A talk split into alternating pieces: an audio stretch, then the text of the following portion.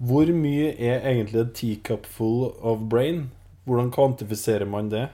Teacup full of brain, yeah. Det går jo an å finne ut litt om eh, hvordan var eh, tekopp-atferden, eller eh, altså kutymen for eh, størrelse på tekopper på den tida. Kanskje det var bare et fingerbøll? Og hvorfor kasta han legen seg fram med en tekopp da han sto og hosta, og det kom gjerne ut? ja, det er sant. Det skjønner ikke jeg. Men det kan jo hende han hadde bøtta i ene hånda, for han spydde jo på samme, på samme tid. Too soon, gutta. Too soon. Han, han, han spydde oppi en bøtte, mens legen sto med en tekopp og samla det som kom ut fra toppen av hodet hans. Eller var det sånn at det tilfeldigvis falt oppi, så etterpå når Å, godt med pause, nå skal jeg ta meg en sipp av teen min.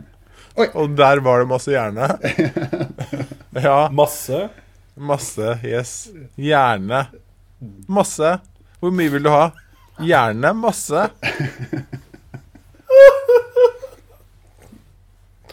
Å, Jesus. Oh, dette, er, dette er jo et show. Dette er et show.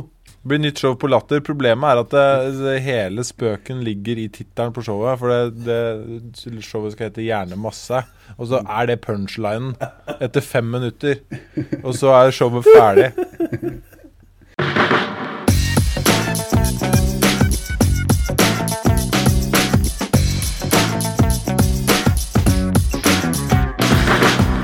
Du hører på Psykologlunsj, populærvitenskapelig lunsjprat med psykologene Tommy, Jonas og Jan Ole.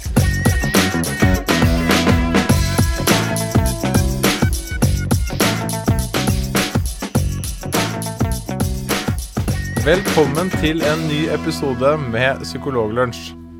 Vi er samlet som vanlig. Vi er ganske gode på å være samla når det er eh, psykologlunsj. Eh, De som er samlet, det er eh, Tommy Mangerud, psykologspesialist og seksjonsleder. Og så har vi Jonas Rumpeldunk Våg, som er en simpel psykolog enn så lenge. Men snart kommer Jonas til å gå forbi oss, Tommy Mm. Og kommer til å bli eh, doktor. Og spesialist. Doktor Våg.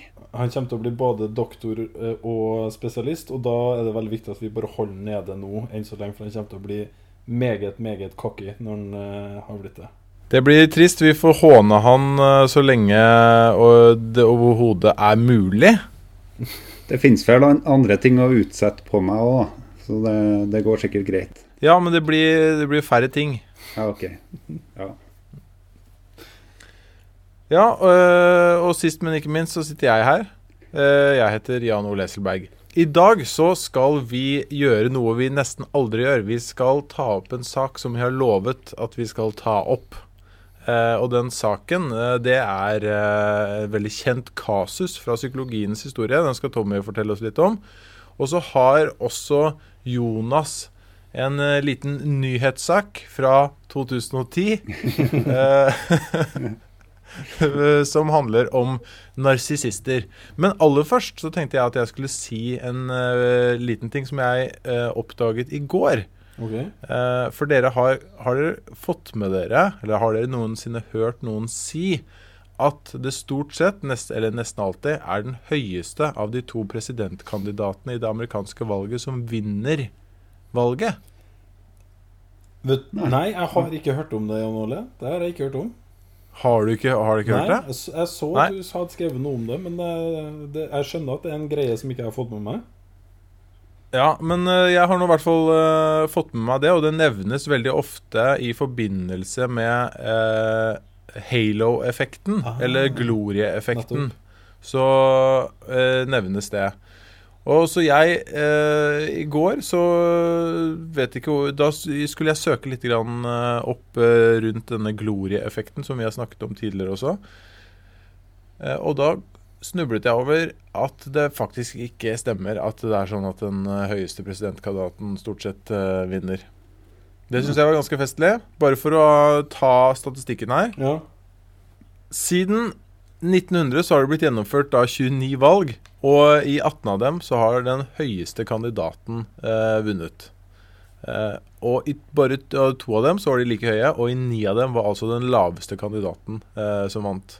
Og det skjedde jo faktisk sist, da, i forrige presidentvalg. Da Mitt eh, Romney, som var eh, høyere enn president Obama, ble slått av eh, president Obama. Ah, Ja. Så det er jo ganske knusende nederlag for uh, den myten der, som dere åpenbart ikke har hørt før. Så det var ikke så spennende for dere. Men det er sikkert noen der ute som følger litt bedre med i timen enn det dere gjør. Sa du ikke feil nå, Jan Ole? Sånn tilba Hva sa du i stad? Nå sa du at uh, det var ni, ni av de som var høyest. 18 av de som var høyest, som vant. 18 av de som var høyest, vant. Altså det er flest. Ja, det, det er er helt, flest, det er helt ja. riktig. Det er flest Men ikke eh, blant de høye som vinner. Men uh, det jeg har hørt, er jo at det så å si alle Akkurat.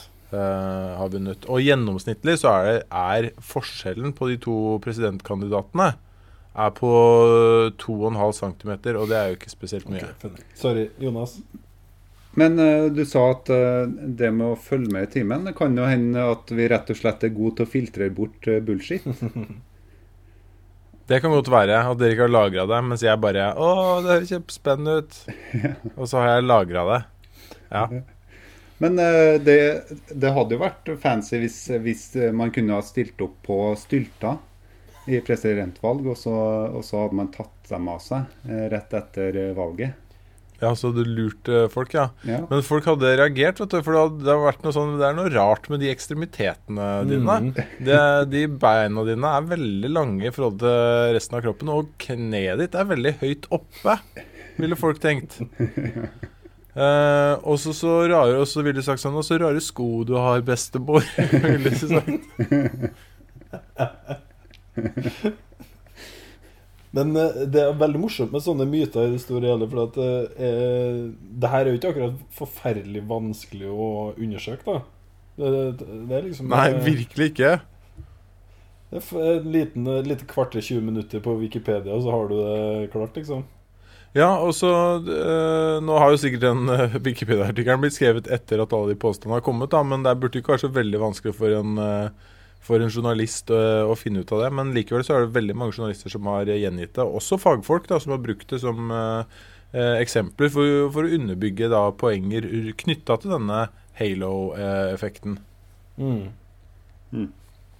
Så det syns jeg var interessant. Men eh, det er ikke det vi skal snakke om. Jonas, du har eh, en nyhetssak, en presserende nyhetssak fra året 2010.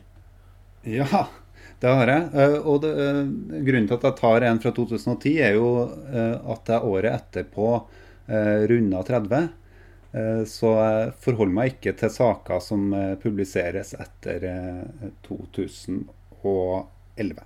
Ja, jeg har en artikkel om, om narsissistiske trekk. Og, og hvor hensiktsmessig det er å ha personer med narsissistiske trekk eh, i et team som skal tenke kreativt.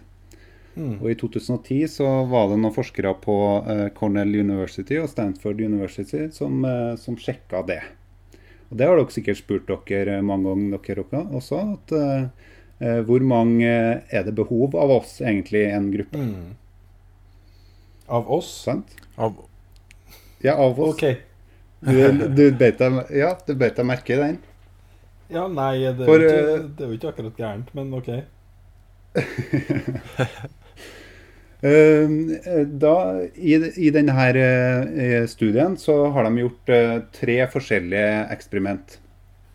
Eh, og de baserer seg sånn som man gjør alltid i personlighetspsykologi og i sosialpsykologi. Man baserer seg på studenter som gjør oppgaver, eh, og så forsker man på dem. Eh, Det, det er sjelden at man går noe mye lenger enn utafor universitets... eh, Altså utafor campus, da. det er jo så store campus i USA, så det, er, det skjønner jo det. Det er ekstra slitsomt å gå utenfor campus i USA. Ja, og i, i Trondheim så driver man jo og diskuterer å, å minske campus, at alle skal flytte ned på Gløshaugen-området. Og det tenker jeg det er ganske kritikkverdig, da, hvis man skal drive på med psykologisk forskning. Hele Trondheim da- er jo campus i dag. Ja, sant. Og da kan vi bruke hele Trondheim. Og det, det er jo det beste. Og sivil, eh, sivilingeniørstudenter, ikke minst. Ja. Og det er jo, det er jo en sunnhets, et sunnhetstegn for psykologiens, altså psykologiforskninga at vi begynner å få så mange universiteter i landet. Eh, For da, da kan vi jo utvide eh, de forskjellige campusene våre og gjøre masse psykologisk, interessant psykologisk forskning. Eh, Ja, I den første studien så tok man utgangspunkt i 244 studenter. Og så målte man de her studentene med et mål på hvor mye narsissistiske trekk eh, de hadde. Og da Narsissistiske trekk går jo ut på hvor mye eh, ja, form for selvhevdelse eh, man har behov for. Eh, eh, hvor eh, høyt man setter seg sjøl i forhold til andre. Mm. Blir ikke det en riktig beskrivelse?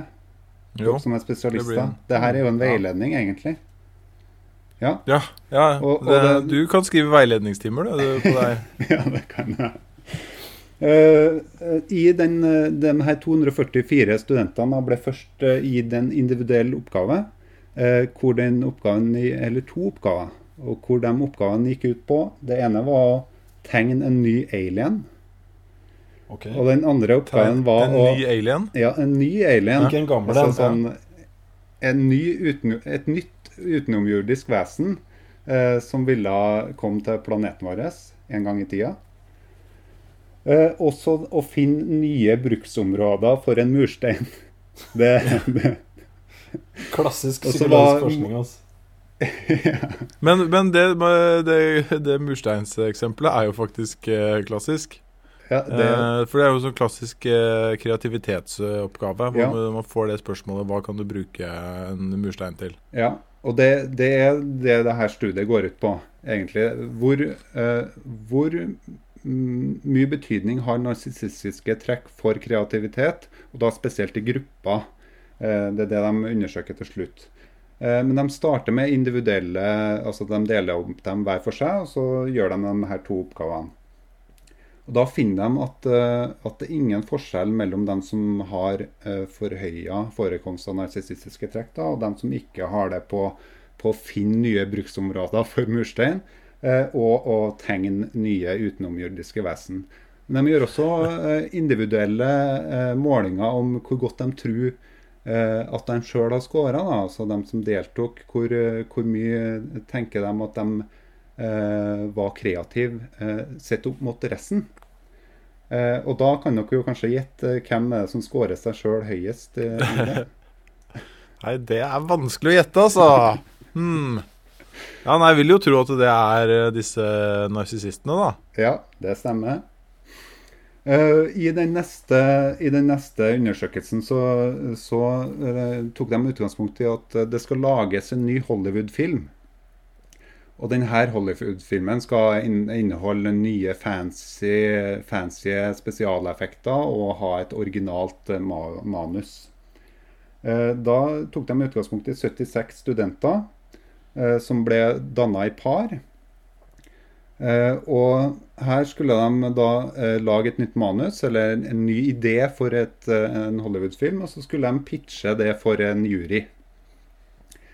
Eh, og denne juryen da scora hvor kreativ de, det her paret var, sett opp mot resten.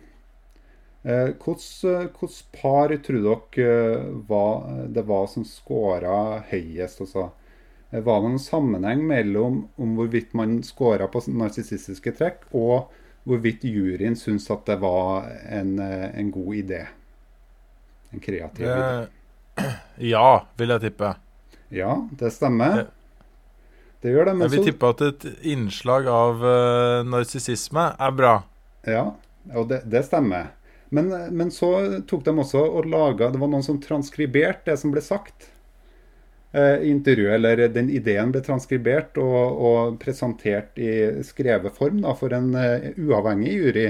eh, som ikke møtte de her personene som, uh, som fremma de, de her ideene. Hva, hva tror dere skjedde da? Åh, jeg tror at det forsvant den effekten. Ja, det stemmer. Og det, det, er, ganske, det er ganske artig. Da, da var det ingen forskjell mellom de her gruppene. Altså de, de ble ikke rata som mer kreative, de, de her parene som scora høyere på narsissistiske trekk enn andre. Ja, Det er veldig spennende. Kan jeg få, kan jeg få komme med eh, tippe på hva som er årsaken?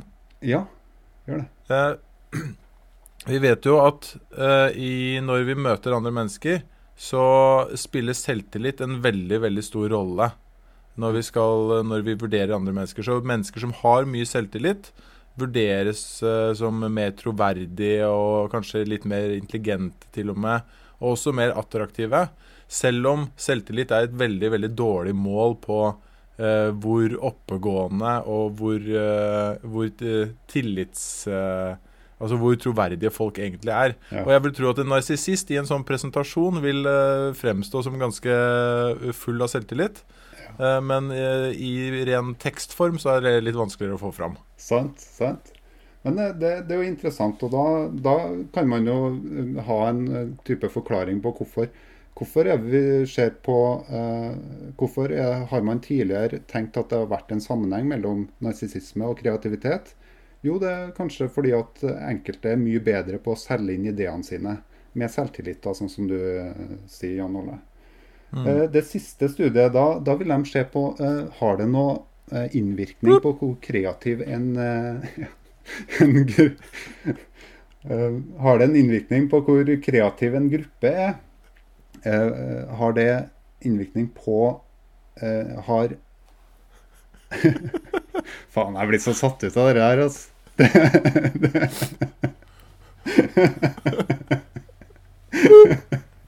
En, en studie ble gjennomført. Ja, det ble også gjennomført en siste studie eh, hvor man eh, eh, sjekka om hvorvidt eh, det å ha personer med narsissistiske trekk hadde innvirkning på hvor kreativ en gruppe var. Eh, her var det 292 studenter som ble delt inn i 73 grupper, og det var fire personer i hver gruppe. Eh, og denne gruppa skulle ta utgangspunkt i å sjekke hvor eh, Nei, det, oppgaven deres var å finne ut nye måter en bedrift, altså en ekte bedrift kunne jobbe på for å øke produktiviteten sin.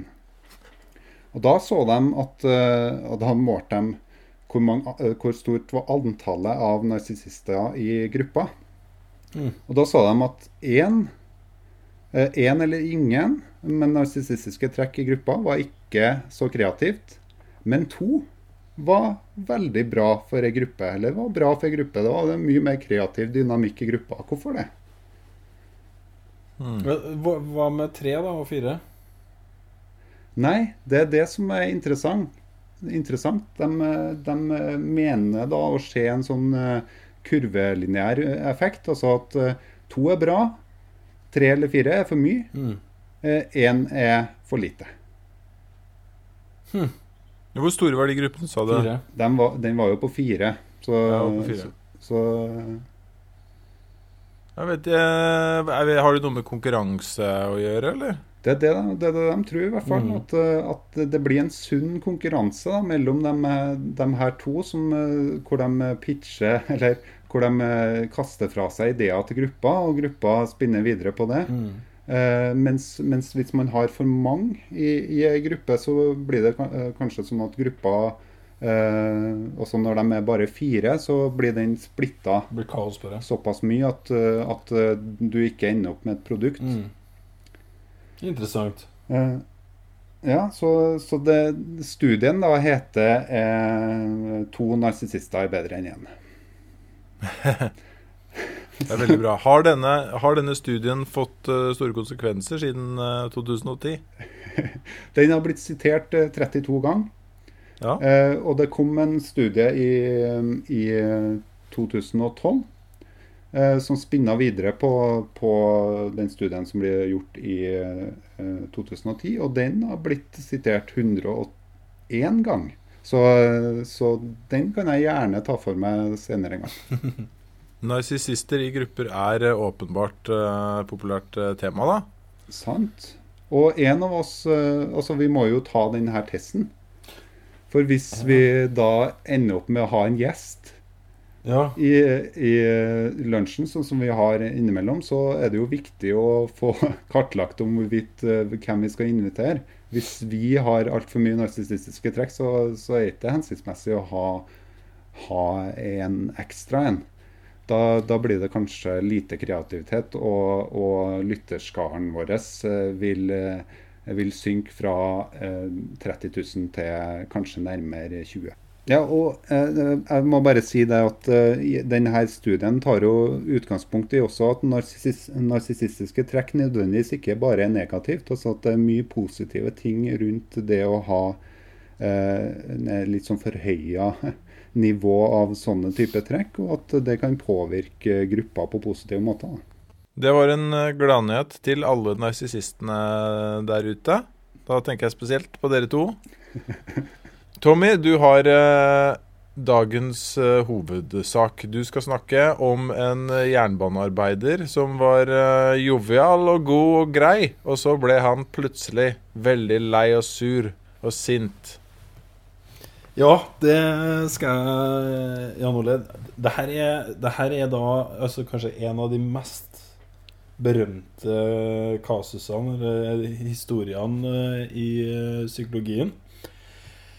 Og det er en av grunnene til det, tror jeg, fordi at det er en fantastisk historie, rett og slett. Eh, men litt av grunnen til at jeg skal ta det opp i dag, er fordi at det er kanskje en fantastisk historie. Altså, det er muligens en god del ting ved det kasuset som eh, kanskje dere òg eh, tenker stemmer, som det rett og slett egentlig ikke finnes dekning for å ha konkludert med. Så i dag skal vi snakke om Finnes Gage. En, eh, en person som sikkert veldig mange som, lyttet, som lytter til oss, har hørt om, eh, enten de har vært borti psykologi eller ikke. Så eh, jeg tror det er litt sånn greit helt til å begynne med, så tror jeg det er litt sånn ok å si til folk som nå hører på, at uh, i beskrivelsen av uh, historien til Finnesgage og det som skjer med han, så kommer det til å være en del litt sånn uh, nasty, ekle og kanskje litt grusomme, fæle detaljer. Så hvis du, eh, hvis du, på en måte blir uvel av å høre om, eh, om eh, grusomme ting som kan skje når folk har et uhell, så kan det være nyttig å bare hoppe noen minutter fram i podkasten, kanskje. Fordi jeg skal beskrive litt hva som skjedde med denne karen. Finnes Gage han ble født i 1823, så det er en god stund siden. Han Jobba som formann i eh, utbygginga av eh, jernbanene i USA. Og eh, han var ansvarlig for den, den gruppa som, av arbeidere som drev med sprenging, da, som gjorde det grunnarbeidet før liksom, de her jernbanesvillene ble lagt i, på bakken. Og det ble gjort ved å bore høl i, i berget, eller i stein og berg og sånn, og så fylte de sprengstoff. Og så hadde de en lunte nedi, og så tømte de sand over der igjen. Og så pakka hvor det hele liksom eh, Det her sprengstoffet pakka sammen i det hullet ved å bruke en lang sånn jernstang. Eh, for å gjøre hele greia kompakt, da, sånn at det skulle få til å sprenge det fjellet. Og den eh, 13. september i 1848 så arbeida Finnes Gage i nærheten av en by som het Cavendish i Vermont. Og der hadde han en ulykke. Han, eh, han eh, Man er litt usikker på hva som skjedde. Eh, enten så ble han distrahert, eller så ble kanskje, var det sånn at han assistenten som preparerte det her hullet, hadde glemt av å fylle på sand før Finneskers begynte å bruke den jernstanga da, til å pakke sammen sprengladninga. Uh, og det da som skjedde, det var det at en gnist antente sprengstoffet. Og denne jernstanga ble da rett og slett skutt gjennom hodet til Finnes Gage. Den gikk inn i hodet på han, på venstre side av kinnet, under kinnbeinet. Eh, tok med seg en jeksel og passerte eh, bak venstre øye. Og kom ut igjen på toppen av hodet, rett bak der, eh, hår, der hårfestet hans var. Ganske sånn på toppen av hodet. Og den stanga passerte da gjennom hjernen hans, gjennom det som kalles for eh, venstre frontallapp. Jeg skal si litt mer om denne stanga. da. Eh, det var en jernstang da, som var eh, spesiallaga. Han hadde fått den spesiallaga til den bruken han, han trengte den til. Den var litt over én meter lang og var sånn ca. 3,2 cm i diameter. Det vil si kanskje litt større enn en sånn 20-kroning, kanskje. Litt, eh, litt større enn det. Den veide 6 kilo, og etter ulykka så ble den funnet 25 meter unna ulykkesstedet. Nå, Eh, med blod og eh, hjerne på. Åh, så deilig. Men hvor var jekselen? Lurer jeg på. Den tror jeg aldri ble funnet. Det, så den, den uh, var kanskje igjen oppi hjernen hans? Ja, vi kommer til det. Mm. Det som var det, Det kommer vi til. det, det, som, det som var så rart med det her Men var det visdomsjekselen? eh, Ja, det var, skulle jeg akkurat til å spørre om. en, nå er jeg ikke ta, så veldig oppdatert på det, men det var en molar, en molartann. jeg vet ikke, Er det en jeksel eller ikke? Jeg tror det. Det, vi, det kommer til, vi kommer til å ha en egen spesialepisode om molars. Ja. uh, så det lover vi å ta opp Men, men det som var det snedige, da, ikke sant, det er jo det her at uh, Gage han døde ikke av denne hendelsen. Det, en skulle jo tro at det her ikke var mulig å overleve.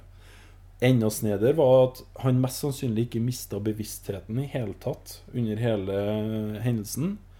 Og eh, ble da møtt av sine arbeidskamerater når støvet la seg. Han snakka etter få minutter og reiste seg og greide å gå med litt støtte etter bare noen få minutter. Eh, han ble eh, kjørt inn til byen, Cavendish, som var litt over en kilometer unna, og satt oppreist i transporten på vei inn til byen. Da han eh, kom fram, så var byens lege var ikke til stede. Men eh, en annen lege, dr. Edward Williams, som var i byen, han eh, kom og traff ble, ble tilkalt og møtte Finnes Gage ca. 30 minutter etter at ulykken ble inntraff. da. Og han fant da Gage i en stol utafor hotellet sitt, der han satt og snakka med forbipasserende og fortalte om hva som hadde hendt. Eh, og nå, hvis at du ikke syns at det her har vært eh, ille hittil, så blir det vær, da, for dere som er litt sart. Eh, han møtte dr. Williams med det som må anses som et bevis på at mannen, om ikke annet, hadde hvert fall humoren intakt. Fordi han skal angivelig da ha sagt Doctor, here is business enough for you. Eh, og ble da tatt med opp på eh, rommet han bodde på, og undersøkt mens han fortalte historien. Eh, han ble først ikke trodd på av doktoren, fordi det var for utrolig. Men eh, holdt fast ved historien, og måtte etter hvert da reise seg for å kaste opp. Hvorpå trykket av det å kaste opp pressa ut det som står i journalen til dr. Williams. Eh, About a teacup full of brain, which fell upon the floor. Åh, så herlig. Hvorfor har ingen laget uh, film av dette? Det høres ut som en Peter Jackson-film, egentlig. Uh, som ja. old school. Tidlig Peter old Jackson-film. Peter Jackson. uh, byens lege, Cavendish, byens lege, altså dr. John Martin Harlow, tok over uh, behandlinga litt senere på dagen. Og sammen med dr. Williams så rensa de såret på toppen av hodet. Uh, Fjerna størkna blod og beinbiter, og da var det litt sånn sånn med fingrene oppi, da. Så den jekselen det fant ikke, for at de, de liksom Ja, de, de gjorde det rent, da. Eh, pluss da Sånn, sånn som man gjorde rent på midten av eh, 1800-tallet. Ikke sant. Eh, samt altså rett og slett hjernemasse som stakk ut av såret. da. Eh, det de hadde av eh, biter av hjerneskallen, hadde de bare satt de på plass og lukka såret så godt de kunne. Eh, men hadde Og det her er faktisk litt sånn essensielt for hans overlevelse, fordi de Altså, det ble latt være igjen en åpning sånn at såret kunne dreneres. da Fordi hjernen ville jo få en, han ville jo få en hevelse etter hvert. Så ikke han fikk eh, hjerneskade pga. det. Eh, kinnet ble også behandla, og samt øvre brannskader og sår som han hadde på resten av kroppen, fordi han hadde jo tross alt vært i en, i en eksplosjon. Gage, da, det her er jo det som er litt snedig, for han framstår under hele undersøkelsen og behandlinga som forunderlig frisk, og avslår bl.a. besøk av vennene sine, siden han regner med at han er tilbake på jobb om et par dager. Eh, likevel så følger det da et par måneder med mye problem. Han får etter hvert eh, infeksjoner eh, og er nesten komatøs til tider. Eh, puss og verk dreneres fra sår. Men eh, eh, ulykka her skjedde jo da i september, og etter noen måneder så er, blir han i bedre form. Den 25. Novo 25. november så flytter han hjem til eh, familien sin, hvor han etter hvert da begynner å jobbe på gården til foreldrene. Han greier aldri å returnere til jobben med å bygge jernbane, men eh, jobber etter hvert da med flere år eh, som bl.a. sjåfør med hest og vogn i New Hampshire og i Chile, og dør i 1860 etter en eh, rekke med epileptiske anfall, nesten tolv år etter ulykka. Så det her er da litt sånn bakgrunnshistorien om uh, ulykka til Finnes Gage. Og så er det da at uh, det er litt usikkert om hvor mye man har muligheten til å Altså, det, det er en god del myter antageligvis i etterkant, eller det er i hvert fall en del informasjon og data som er i hvert fall usikker. Men det som er litt sånn standardbeskrivelsen da av uh, Finnes uh, Gage-kasuset, det er da at han, han blir beskrevet uh, før ulykka som hardtarbeidende, ansvarlig og en favoritt blant de uh, arbeidsmennene som han hadde ansvar for på jobb. Han skulle ha blitt omtalt som den mest effektive og kapable formannen de hadde ansatt i firmaet. Og det kan være at det er riktig, men det er, litt sånn, det er litt sånn tynt med data egentlig om hvordan han var i forkant. Men mest sannsynlig så var han dyktig siden han hadde den stillingen og alt det der. Eh, så er det noen sånn sitat om hvordan da eh, Det her er fra Harlow sine notater i en artikkel han har skrevet. Så skriver Harlow at etter ulykken beskrives han som urolig, respektløs, med eh, en hang til vulgær banning. Uh, han har lite respekt for andre mennesker, er utålmodig og vanskelig, uh, har vanskelig for å kontrollere seg når ting kommer i konflikt med hans ønsker. Han er sta, lunefull og ustabil, med mange planer for framtida som han forlater umiddelbart etter å ha funnet på noe annet lurt. Han beskrives som et barn i sin intellektuelle kapasitet og manifestasjon, og har dyriske lidenskaper. Før skaden ble han til tross for å ikke være en skolert mann ansett å ha et godt balansert sinn, eh, og ble sett på av dem som kjente han som en taktisk og smart forretningsmann. Veldig energisk og utholdende eh, til å utføre alle sine planer. Dermed har hans sinn blitt så radikalt endret at hans venner og bekjente måtte bare konkludere med at han ikke lenger var Gage.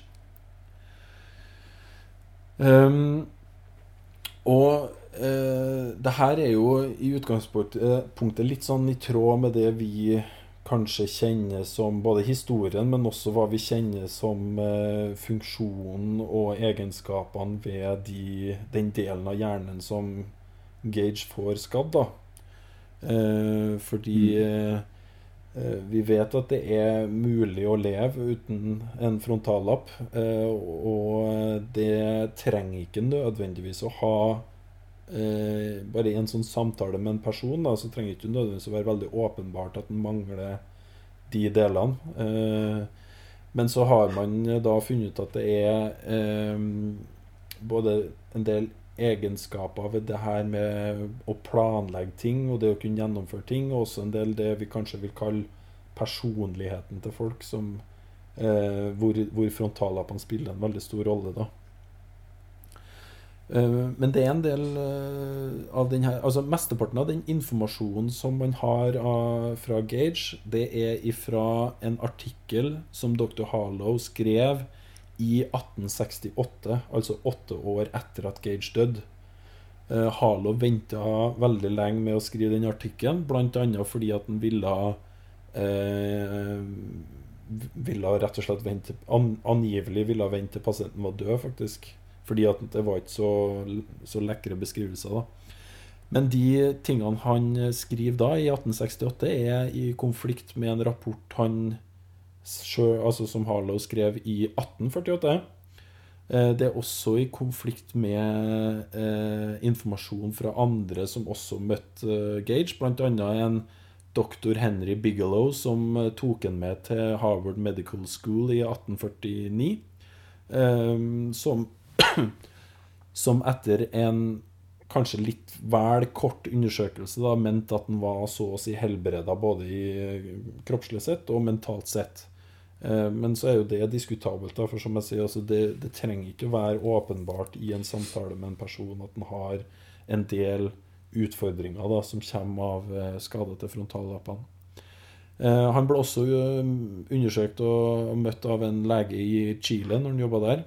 Eh, som også er, er litt i, i, eh, i konflikt med det eh, Harlow skriver i 1868, da. Men det som vi da kanskje Hvis vi skulle gå litt til hva er det vi faktisk vet, hva er det vi kan si noe om, og hva er det som kanskje kan være en annen versjon av denne historien, det er det at eh, han mest sannsynlig hadde en god del endringer i starten, eh, men at han kanskje kom seg betydelig bedre enn det en del av de her bøkene skriver eh, om en. da.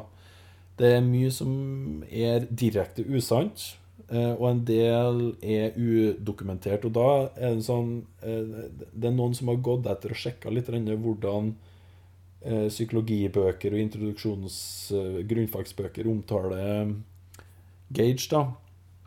Og da blir han beskrevet som en psykopat. At han mishandla kone og barn, noen for øvrig aldri hadde, noen av delene. Eh, at han hadde upassende seksuell atferd, promiskuøs, promiskuøs. Han var ikke i stand til å holde på en jobb, som heller ikke var sant, for han hadde to jobber i etterkant, hvorav denne jobben i Chile var i sju år. Um, han skulle ha vært uansvarlig og ikke til å stole på. Aggressiv og voldelig. Drakk og skrøt og løg og sloss og mobba og var rett og slett en idiot. da. Det er også noen myter som sier at uh, han jobba i sirkuset til Barnum fra PT Barnum, Barnum-effekten. Uh, men det er rett og slett ikke sant. Han, uh, han var på et foredrag, ikke på sirkuset, men hos Barnum, visstnok. Det som vi det som vi vet, da, var at han hadde en jobb i Chile i sju år. Og det å være vognfører var, er en svært vanskelig jobb. Det er noen lange arbeidsdager på 13 timer og, og mer. Eh, de, de strekningene som en kjørte, var ofte vanskelig å komme seg gjennom. Måtte ta raske avgjørelser osv. Måtte muligens kjøre om natta og måtte derfor huske på hver sving og hver klippe som en måtte nødt til å passe på å ikke kjøre utfor. Og han eh, tok også vare på hestene og samla inn billetter osv. Eh, mest sannsynlig så lærte han seg også et nytt, i hvert fall delvis et nytt språk. Så det var en god mm. del eh, eh, tegn på at han antakeligvis ikke var så permanent endra som det en del bøker omtaler den som, da. Mm.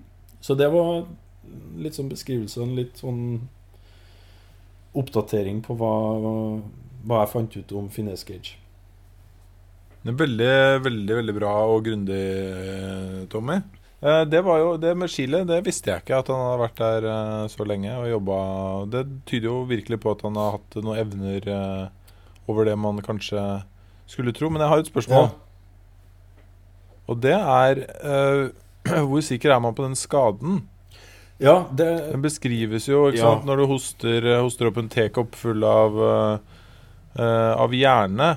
Det, det høres det ganske utrolig ut at du skal fungere uh, såpass godt eh, i jobb senere. Ja, og det som, det som er litt interessant akkurat med det, det er at når han døde, så ble han gravlagt eh, Da Finnes Gage ble dødd, så ble han jo eh, gravlagt eh, av familien sin. Eh, og uheldigvis så har man da ingen data på hjerneskaden.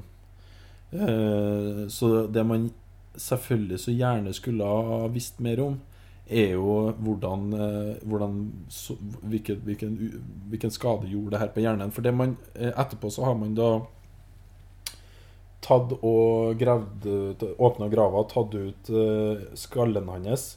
Så den skallen den ligger Den er mulig å besøke på museum i dag. Og eh, det er gjort en rekke undersøkelser av den skallen, eh, også senest i, i, før, sånn rett før Jonas ble 30 år.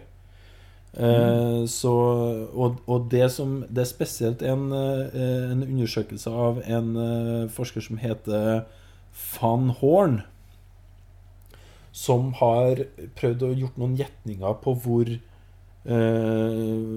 Altså Han har anslått hvor jernstanga passert gjennom skallen, og hvilken skade det her har gjort, ikke bare til det som vi kaller den grå substansen i hjernen, men også den hvite substansen, altså der hvor alle de her nerveledningene har gått.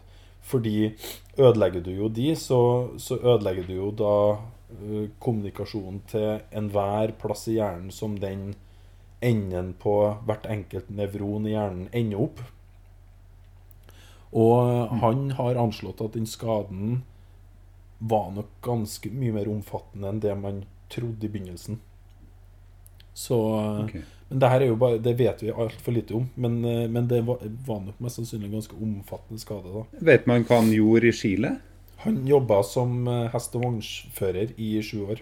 Hva? Og det, og det, med, og det med Chile visste man egentlig ikke heller før eh, for ikke så altfor mange år siden. Så var, var man ikke klar over at han var jobba der. Det var sikkert stort, eh, stort behov for hest- og vognførere i Chile på den tida. Ja, eh, men det som, eh, det som noen har spekulert i, da For man har kikka litt også i dag på hvordan man greier å rehabilitere effektivt mennesker som har hjerneskade.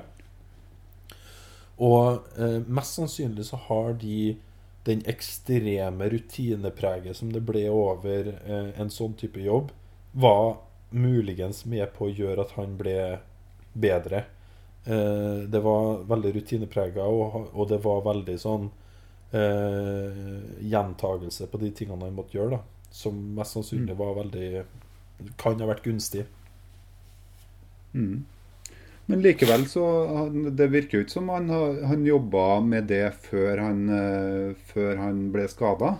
Nei, Så her, her har han jo erverva seg en del eh, kunnskap og, og lært seg nye ting og mestre et arbeid i etterkant. Absolutt. Og eh, det er en, eh, en psykolog som heter Macmillian, som egentlig har gjort mye av den debunkinga av mytene om Finnes Gage, og også da eh, kanskje fått fremheva han i litt bedre lys, da. Eh, Som da han, han Macmillan omtaler det her med å kjøre en en, eh, eh, altså Han mente at det her med å kjøre en sånn hest og vogn var ganske komplisert. Noen har sammenligna litt med å kjøre bil hvor du må nødt til å styre eh, alle fire hjulene på bilen individuelt. Det er ganske komplisert, visstnok. Men som du sa, så hadde han jo dyriske interesser. Da, da jo Da var han sikkert god med hesten. Det kan ha vært. Eh, ellers så er det faktisk eh, først i de senere år at eh, det har dukka opp et par bilder av ham, for vi har faktisk ikke visst hvordan han så ut i livet eh, etter ulykken. Men eh, det fins i dag altså to fotografier av ham, begge hvor han poserer med den jernstanga. Og Han Også der så er det blitt tatt som litt til kreditt for at han ikke var en fullstendig eh, uhåndterbar person, da. Eh, Se der, ja. Så det, søk gjerne opp de to bildene der. De er veldig flott. eh, av en der han sitter med jernstanga, da. Der sitter han med jernstanga. Lite visste han at den kom til å spille en stor rolle i livet hans. Det her er i etterkant av ulykken, riktignok. Jeg skjønte det. Han var, var nok kanskje klar over det, da. Jeg ser det litt grann på det hullet ved øyet hans der, skjønner du. Ja, du gjør det, ja. På det bildet. Nei, men Finnes Gage eh, Fantastisk historie, som sagt. Altså At det går an å overleve en sånn, eh, et sånt uhell. eh, men også hele den myten og det liksom eh, Historien rundt den er jo også ganske litt interessant. At man kanskje har Det er en del ting som ikke man har så godt eh, grunnlag for å uttale seg om. da Som vi har vært borti skjer i en del andre ting eh, Andre situasjoner også. Veldig bra, Tommy. Dette var, dette var grundige saker. Mm. Når jeg har sagt at jeg skal komme tilbake til et tema, så gjør jeg det ordentlig. Ja, Det var supert. Eh, Jeg tror like godt vi runder av der, ja. Mm. Men eh, dere gutter, før vi avslutter nå, så kan vi kanskje informere våre lyttere om at uh, vi skal ha noe sprell på gang. Ja. Fredag den 13. mars så skal uh, vi i Psykologlunsj ha et liveshow i Trondheim. Det- Under psykologidagene der. Jepp. Så da er det Må dere bare holde av den datoen inntil videre. Vi vet ikke helt uh, når og hvor dette skal skje. Men uh, Psykologlunsj blir å høre og se for første gang uh, live fredag den 13. mars. Og eh, dagen etterpå så skal jeg eh, holde et eh, åpent eh, publikumsforedrag på biblioteket i Trondheim. Ja, men uh, da tror jeg vi har kommet til veis ende. Nå tror jeg vi kan uh, runde av. Vi høres igjen om uh, to uker. Da er det en ny lunsj.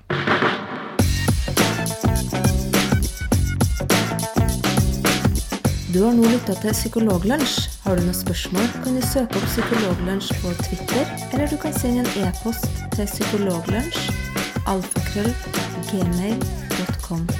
Mer informasjon om temaet du har hørt i dag, finner du på psykologibloggen.no og tankesmed.no.